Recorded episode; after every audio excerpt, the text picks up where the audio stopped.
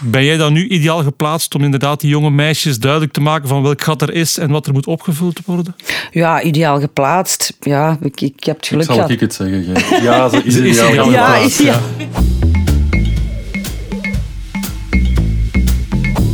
Je kent me misschien nog als doelman, als tv-commentator, presentator of je zag me al eens op de golfbaan. De passie voor sport en het balgevoel hebben we nog steeds te pakken.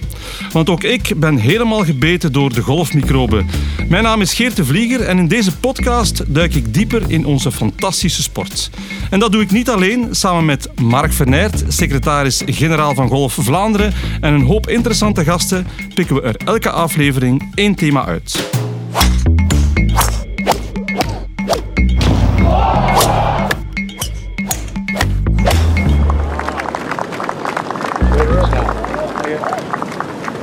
Dag Mark, vandaag gaan we het hebben over vrouwengolf en daarvoor heb jij een heel speciale golfvrouw meegenomen naar de studio. Dag Geert, inderdaad. Eh, Ik heb eh, Ellen Smets meegebracht. Ellen heeft eh, jaren op de Ladies European Tour meegedraaid en is nu meer dan tien jaar eigenlijk de eindverantwoordelijke hoofdcoach van de topsportschool. Ja, Ellen, van harte welkom hier in deze podcast. Je hebt een eh, geweldige sportieve carrière achter de rug en nu ben je vooral bezig met het kneden van talent van de toekomst. Zeg eens, wat houdt jouw dagdagelijkse taak precies in? Gewoon mijn dagdagelijkse taak is eigenlijk heel, heel gevarieerd. Eh, Ik ben inderdaad ben ik, eh, met jong talent bezig. Ehm, ik ben daarnaast ook met beginners bezig, volwassen mensen. Dus ik zit met leeftijden van zes tot, eh, ik denk zelfs mijn oudste klant, denk ik dat eh 77, 78 is. Dus ja, ja is heel breed. Wat zijn de makkelijkste eh, mensen om te leren golfen? Eh, ik wil heel duidelijk zijn, iedereen kan leren golven. Ja. Hè, want anders dan eh, hoor ik achteraf, nee, nee, als je oud zit kun je niet meer golven, zeker wel. Maar ja, het is logisch dat als je met jonger kinderen bent, of, of, of jonge leeftijd, ja, die kinderen die kijken, die kopiëren, die doen na, die gaan niet zoveel denken. eh. En die hebben de souplesse. ja, die hebben iets meer souplesse, maar dat wil niet zeggen dat iemand die ouder is, dat die geen souplesse heeft. Nee, maar, ik, maar ik denk dat we dit gesprek niet beter kunnen beginnen dan het goede nieuws te melden dat Golf Vlaanderen de Letas Tour gaat sponsoren. Vertel eens. Ehm, ja, inderdaad. hè. Dus de Letas is eigenlijk de Challenge Tour bij de dames. Dus het tweede niveau van de, van de European Tour. En eh, er is een, groot, een mooie kans, omdat het onze 20-jarige bestaan is, hè, onze 20ste verjaardag. En onze vrienden van de Koninklijke Belgische Golffederatie hadden niet direct een sponsor gevonden. Dus wij zijn daar van Golf Vlaanderen uit opgesprongen om er enerzijds een eh, feest van te maken voor onze verjaardag, maar anderzijds ook voor die jonge spelers, speelsters dat wij hebben, om die zeker de kans te geven om a- aan dat toernooi te kunnen meedoen en, en alles wat dat daar eigenlijk bij komt kijken. Ja, Ellen, ik denk dat jij dan als hoofd van de topsportschool eh, ja, heel blij moet zijn dat eh, zo'n toernooi eh, in België zo flink geapprecieerd wordt.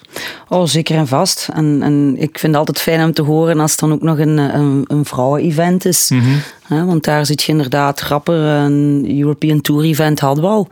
Dus Ja. was het wel eh, ja, goed nieuws om eens te zien dat er eh, ook vrouwen eh, of meisjes, jong, jong meisjes, eh, daaraan kunnen deelnemen. Je hebt zelf jarenlang meegedraaid als profspeelster. Hoe kijk je daarop terug? Ik kijk daar heel gemengd op terug. Ja? Ja, ja gemengde gevoelens. Ik denk niet, ja, zo'n ervaring is onbetaalbaar. Dat is één.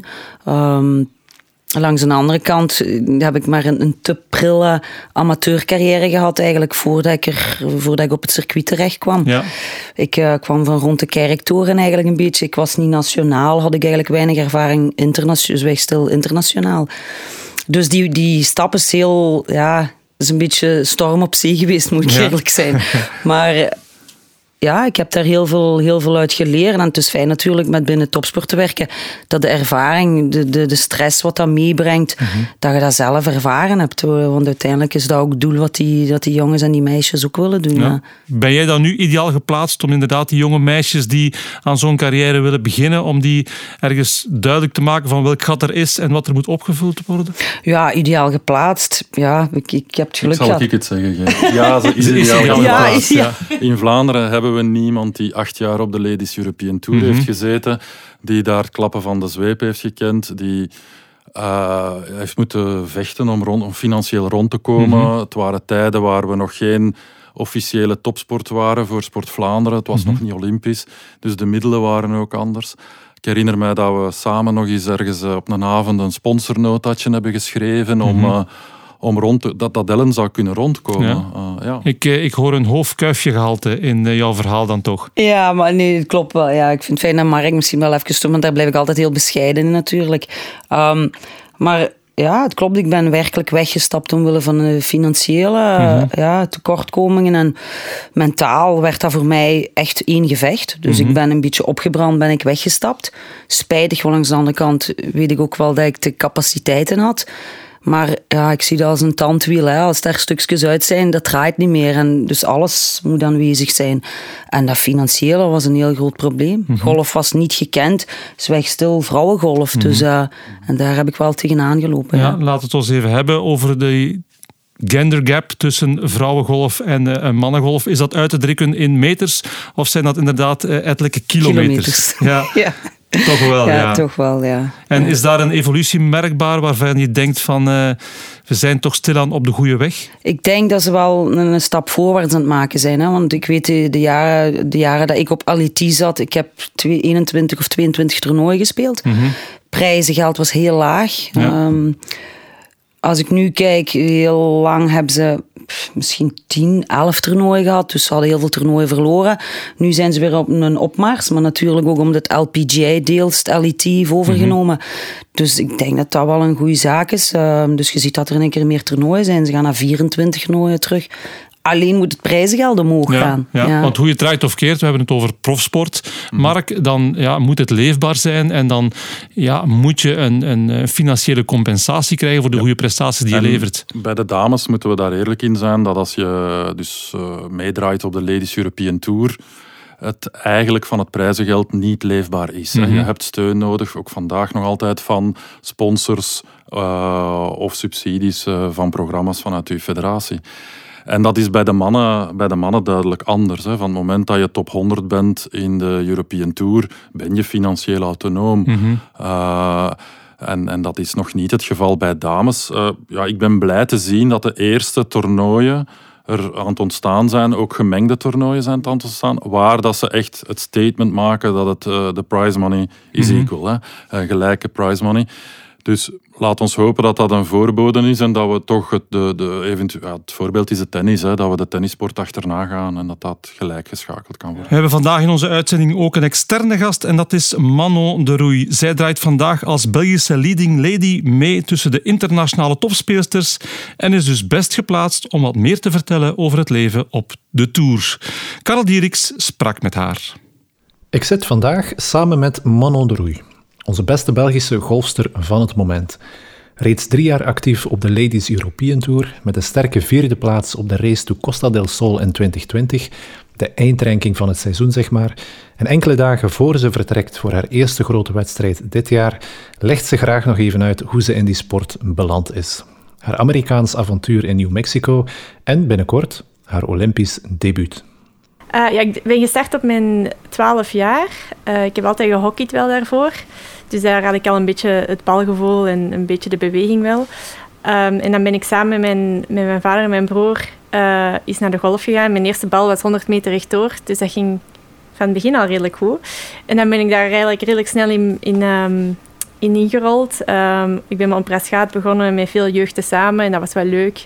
Dus dat werd ook snel opgepikt door de federatie School Vlaanderen en de KBGF om dan in, in trainingen mee te doen en geselecteerd te worden voor buitenlandse stages en wedstrijden. En zo is het allemaal eigenlijk redelijk snel. Ja, was golf, was golf echt jouw eerste vaste keuze? Of is, zoals bij vele andere sporters, daar toch nog een, ja, verschillende sporten aan te pas gekomen? Uh, ja, ik heb gehockeyd en gegolfd eigenlijk zes jaar zo een beetje mm -hmm. tezamen eigenlijk. Um, ja, hockey is iets helemaal anders dan een teamsport. Golf is meer individueel. Dus ik vond op dat moment als ik jonger was, hockey wel leuker. Um, maar dan golf werd een beetje serieuzer. Dus, um, en ook met wedstrijden en zo. En ik ben dan ook naar een topsportschool geweest in Hasselt. Uh, mijn laatste twee jaar van het middelbaar. En dan was ik weer wel meer gefocust op uh, golf. Maar ik toen was ik ook nog altijd aan hockeyen.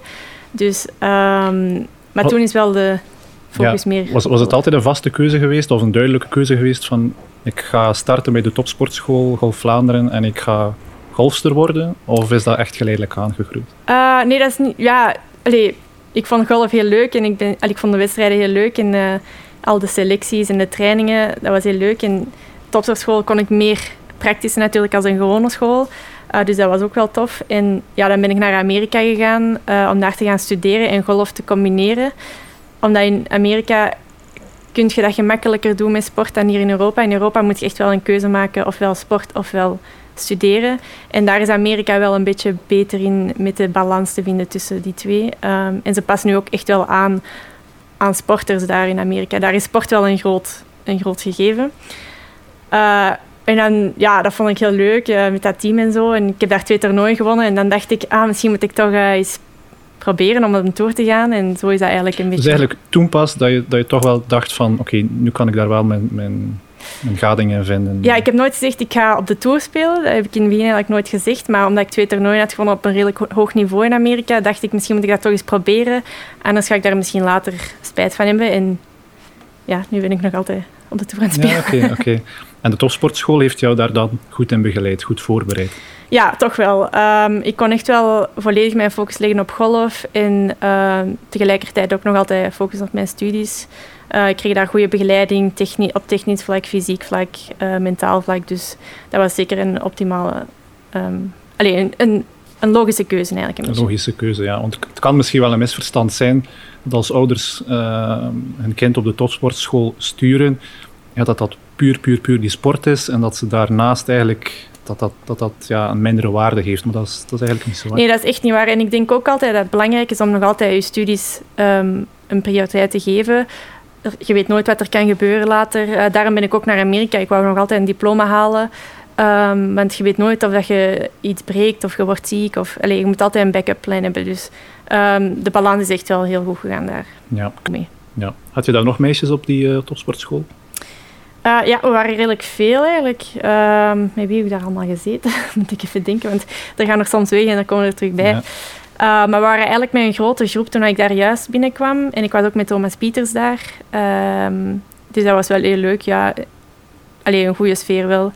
Um, en iedereen is daar wel een beetje met hetzelfde doel, dus ja, dat is wel leuk, ja. Dat, dat, dat, dat gemeenschappelijk doel is wel leuk, dat, dat iedereen daar zit wel met een bepaalde... Ja, exact. Ja, okay. dus, um, ja, dan ga je van topsportschool naar de Verenigde Staten. Dat lijkt mij een, een, een redelijk verre stap om als jong meisje dan te gaan nemen. Hoe, ja. is dat, hoe is dat in zijn werk gegaan? Ja, dus er zijn wel een paar uh, meisjes, allez, ja, vriendinnen van vroeger ook, die, die eerst, allez, eerst die stap hebben gedaan. Ik was een beetje jonger. Uh, dus gehoord wel van de anderen dat dat een leuke ervaring is en dat dat echt wel ja, tof is om daar op hoog niveau te kunnen, kunnen spelen en wedstrijden spelen. Dus ik, dus ik, heb al, ik had al gehoord van andere meisjes. En um, ja, dat was een beetje ja, ook wel leuk, omdat je als 18-jarige naar de andere kant van de wereld gaat. Je moet een beetje zelfstandig worden. Het is ook, allez, is ook voor de golf natuurlijk, maar het hele, het hele pakket is wel aantrekkelijk, zal ik zeggen. Ja, ja.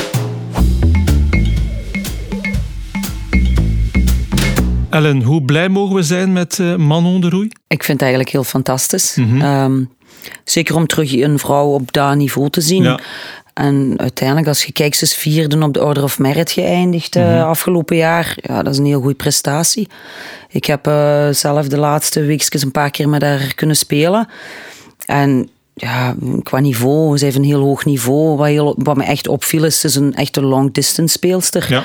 Wat toch altijd een voordeel is. Mm -hmm. Ook, uh, dus van tee is ze heel sterk. Ook haar shots naar de green zijn, haar lange ijzers zijn, zijn heel sterk. Ja. Is zij een laadbloeier? Zij is 29.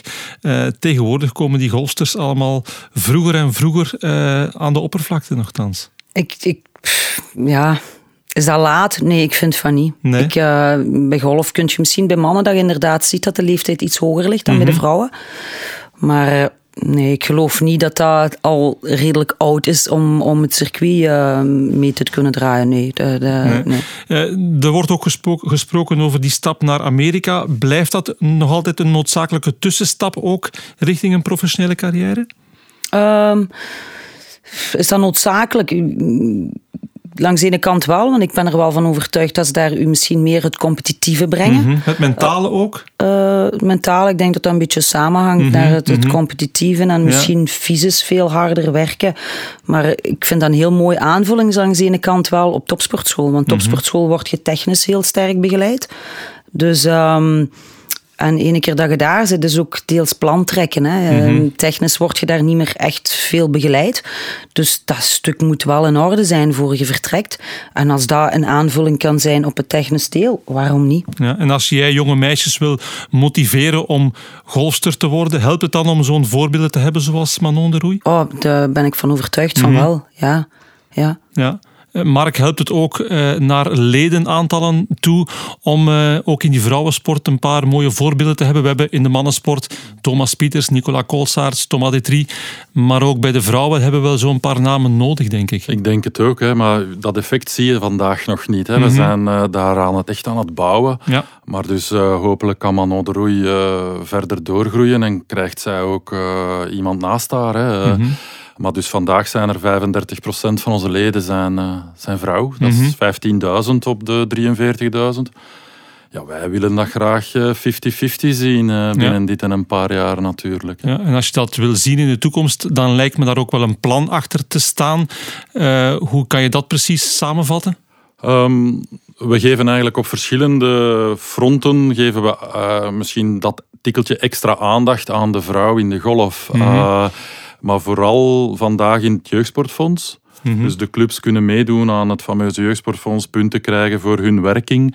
En uh, een apart meisjesbeleid is daar toch iets dat al jaren uh, wordt mee in opgenomen en dat we de clubs in stimuleren om, om aandacht aan te geven. En natuurlijk, ook wij als Golf Vlaanderen geven het goede voorbeeld hè, in de mhm. regionale trainingen, in de kidstrainingen. Uh, en daarnaast hebben we ook een mooie, een mooie recreatieve werking met onze dameswerkgroep en een aantal uh, recreatieve toernooien. Uh, ja, dus ja. op alle fronten aandacht geven en zorgen dat de dames zich comfortabel voelen in de clubs en welkom zijn. En, ja. Ellen, zie jij op jouw vlak dan als hoofd van de topsportschool nog ja, dingen waar je van denkt op vlak van coaching, op vlak van begeleiding, van ja, daar kan het nog beter, daar moet het nog beter. Het gaat misschien ook over ja, financiële middelen waarschijnlijk. Bedoelt je werkelijk uh, meisjes binnen topsportschool? Ja, of om meisjes beter te kunnen begeleiden, uh, nog een breder kader te geven, want uiteindelijk, ja, topsport gaat om zoveel mogelijk structuur aanbieden, denk ik. Ja, maar ik denk, oké, een, een, meisje functioneert anders dan, dan een jongen natuurlijk. Mhm. Daar werkt je op een andere manier mee. Maar op zich, ik denk gewoon dat de vijver bij, bij meisjes- of damesschool of, is gewoon te klein. Mm dus dan zien we ook, uh, binnen topsportschool hebben we nu twee meisjes, uh, vijf jongens.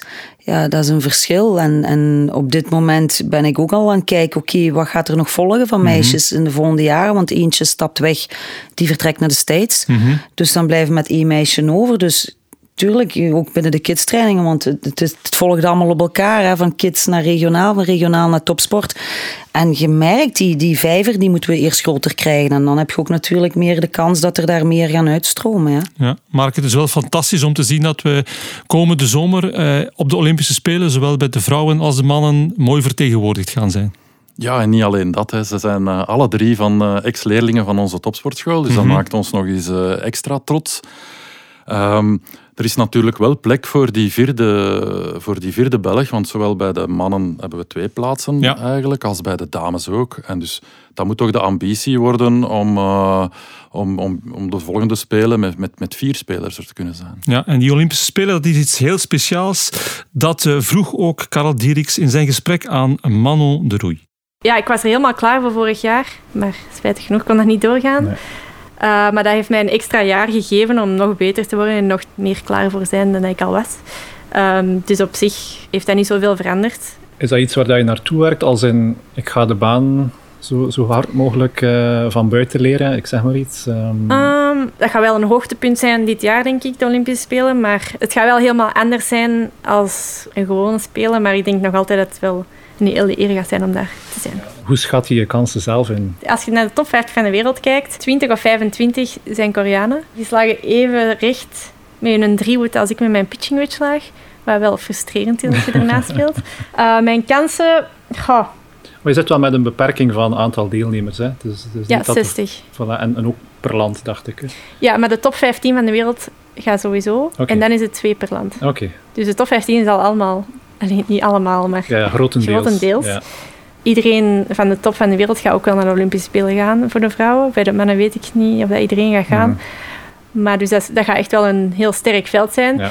Mijn kansen, dat, ja, in golf, alles kan eigenlijk. Als je een goede week hebt, kan iedereen winnen, Wel, dan, dan wens- ik jou heel veel succes één, met de start van het nieuwe seizoen. denk ik. Uh, maar ook naar de voorbereiding van Tokio. Uh, Ja. En ik denk heel veel mensen met mij ook um, zullen heel hard uitkijken naar, um, naar dat debuut in feite hè, Ja. op de Olympische Spelen. Inderdaad. Ik kijk er ook naar uit. Dankjewel uh, Manon. Graag gedaan. Manon de Roei deze zomer op de Olympische Spelen in Tokio. En wat me opvalt, Mark, eh, golf is nog een redelijk jonge Olympische sport, maar het leeft enorm. Ja, we zijn daar als sport internationaal gezien ook, vind ik, toch met ons twee voeten uh, ingesprongen. Heel Mhm. veel enthousiasme. En ik had het geluk om ook in uh, Rio er mogen bij te zijn. En uh, ja, ik heb ook persoonlijk niet alleen grote ogen getrokken naar al die andere sporten dat daar waren, maar op die golfbaan, al die, onze golfvedetten, onze oude Mhm. eh, glorieën waren daar. En het was toch fantastisch om te zien hoe hoe daar echt gestreden is hè, voor de medailles. Dat was echt wel uh, heel cool om te zien. Ja, Ellen, wat ik ook nog onthoud uit het uh, gesprek van Manon met Karel, is uh, de suprematie van de Koreanen. Is die zo opmerkelijk? Ja, het is wat Manon werkelijk zegt. Dat is, dat is, dat is gedrild, hè. Mm -hmm. Dus ik herinner mijzelf, uh, als ik op het circuit was, ik speelde in Korea. Ja, ik was verbaasd. Dat was een meisje die sloeg, die sloeg een bal in het water. Hoe die vader reageerde, die gaf die bijna een klets. Ja. Dus, en daar is het werkelijk, daar werd ook werkelijk gezegd van als jij, jij beslist om pro te worden. En als jij beslist voor pro te worden, dan gaat jij wel zorgen voor de inkomsten voor het gezin. Ja. Dus die druk zit daar ook direct op. Hè? Ja? Dus Ja. dat is een heel andere mentaliteit. Maar het klopt wat Manon zegt. Die zijn misschien niet zo ver, maar ja, ze zijn zo regels dat zij er uh, petu met slaat. Ja, dat klopt. Uh, Mark, laat het ons tot slot ook nog even hebben over de toekomst van onze sport. Uh, Tokio, dat ziet er al ja, redelijk mooi uit. waar mogen we op mikken tegen 2024 dan? Ik hoop vooral op die extra plek voor de tweede dame. Mhm. Hè, dus dan twee mannen, twee vrouwen.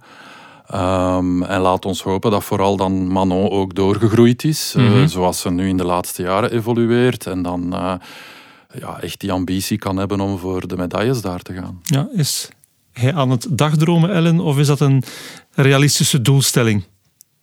Nee, ik denk dat dat realistisch is. Als je kijkt op, op toch redelijk korte tijd wat Manon gepresteerd heeft, denk ik dat uh, ja, dat een mooie weg voorwaarts is. Uh, dus is dat nu, ik denk niet dat dat dromen is. Ik denk Mhm. mm -hmm. dat Manon daar zelf ook moet in kunnen geloven. Uh, wegdenkende van de Koreanen, mm Mhm. -hmm. ja. Kan je, kan je al een tipje van de sluier lichten wat er qua talent zit aan te komen eh, de komende jaren?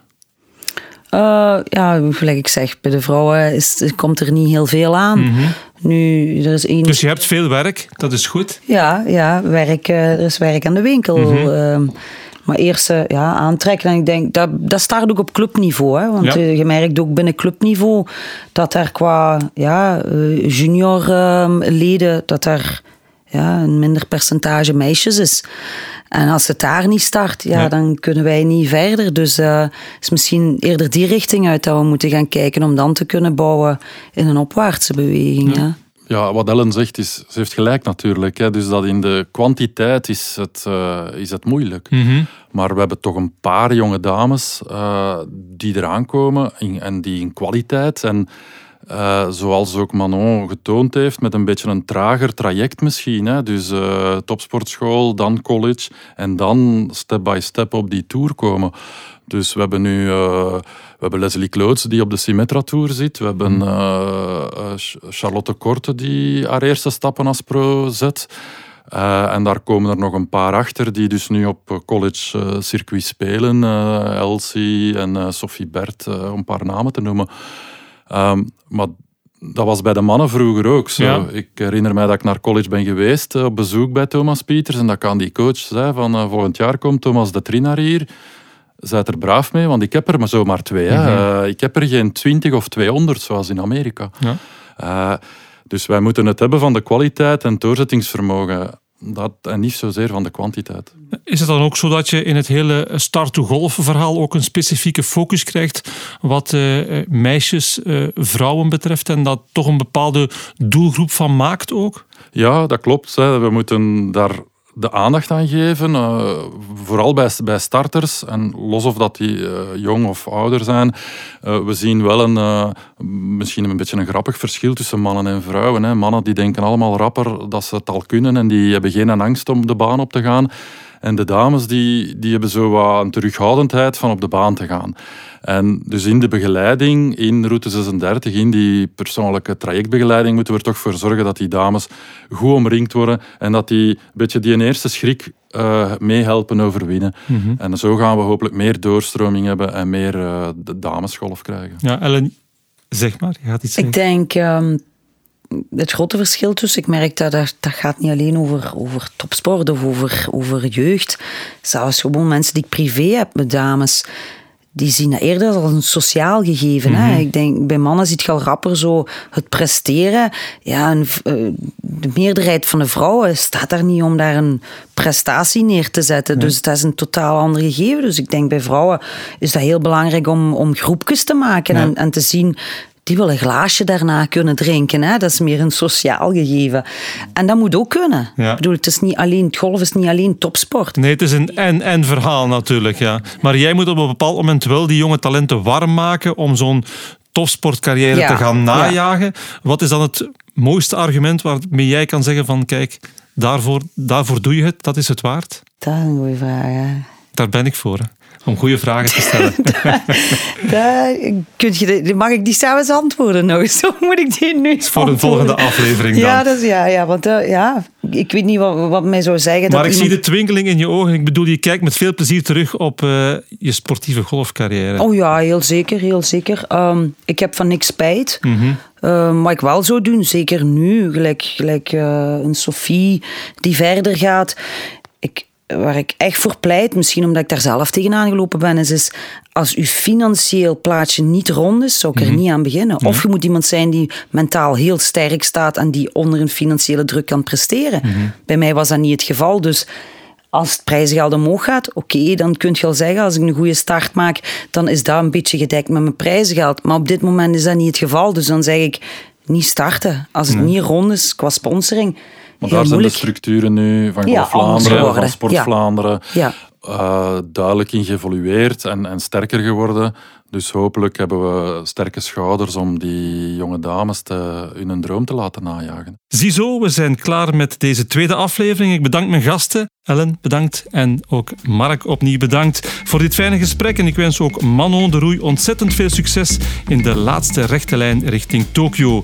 We weten alvast voor we kunnen gaan supporteren de komende weken en maanden. Volgende week podcast nummer 3 over route 36. Vond je deze podcast interessant? Vertel het gerust verder en abonneer je via Spotify of op een andere podcast-app. Heb je zelf vragen of suggesties? Stuur ze door naar podcast.golfvlaanderen.be. Dat was het voor nu. Bedankt voor het luisteren en tot later. Dag.